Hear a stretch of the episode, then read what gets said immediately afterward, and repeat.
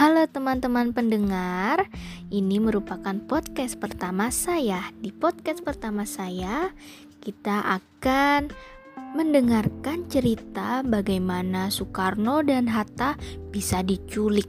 Sebelumnya, kita dengarkan pantun yang satu ini yuk.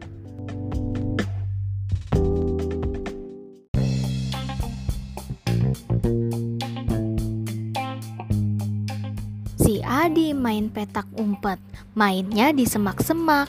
Biar cepet, yuk langsung disimak.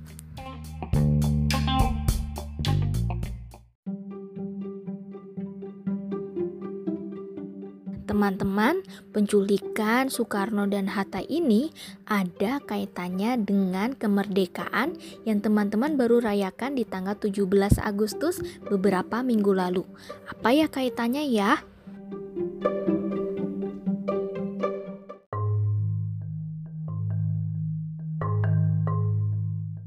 Kejadian ini diawali oleh peristiwa ketika Jepang menyerah kepada sekutu. Nah, ketika Jepang menyerah kepada sekutu, terdengarlah berita yang didapatkan melalui siaran radio BBC Inggris. Berita ini didengar oleh Sultan Syahir. Kemudian Sultan Syahir mengkonfirmasi dari kabar ini kepada Soekarno-Hatta dan lambat laun Berita ini juga terdengar kepada sekelompok golongan pemuda.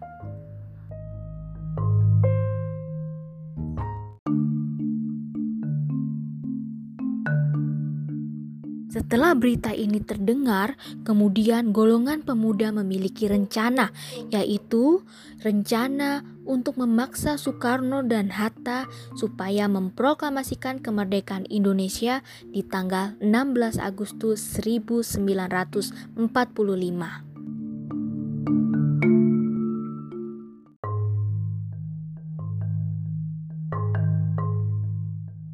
Kemudian, golongan pemuda ini mengadakan rapat teman-teman. Nah, pertemuan ini untuk merencanakan kemerdekaan Indonesia. Nah, pertemuan ini dipimpin oleh Khairul Soleh dan dihadiri oleh Darwis, Johan Nur, Kusnandar, Subagio, Margono, Aidit, Sunyata, Abu Bakar, Eri Sudewa, Wikana, dan ada juga Armansyah. Nah, teman-teman, dari hasil pertemuan ini menghasilkan suatu keputusan, yaitu untuk mengasingkan Soekarno dan Muhammad Hatta ke Rengas Dengklok supaya proklamasi kemerdekaan itu dapat dibacakan dengan segera, yaitu di tanggal 16 Agustus 1945.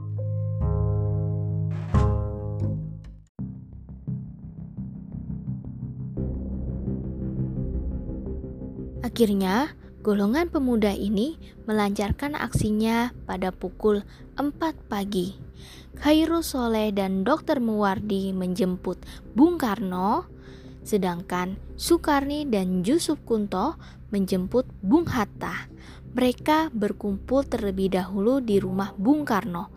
Setelah itu, mereka pun akan berjalan menuju Rengas Dengklok pada pukul setengah lima pagi dan Khairul Soleh tetap berada di Jakarta untuk menyiapkan pemberangkatan mereka menuju Rengas Dengklok dan akhirnya mereka berjalan secara diam-diam dari Jakarta menuju Rengas Dengklok hingga tiba di pukul 6 pagi.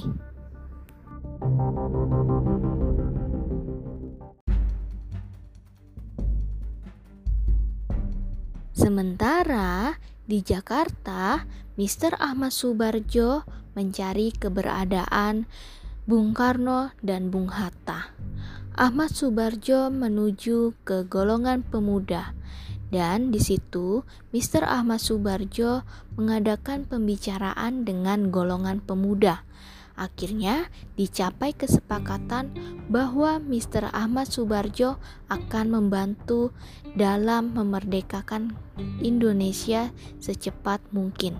Dan akhirnya Yusuf Kunto dan Sudiro pergi ke Rengas Dengklok membawa Mr. Ahmad Subarjo bertemu dengan Bung Karno dan Bung Hatta. Akhirnya penculikan itu berakhir. Bung Karno dan Bung Hatta kembali lagi ke Jakarta pada pukul 10 malam. Nah, teman-teman, kira-kira mereka kembali ke mana ya untuk merumuskan proklamasi kemerdekaan?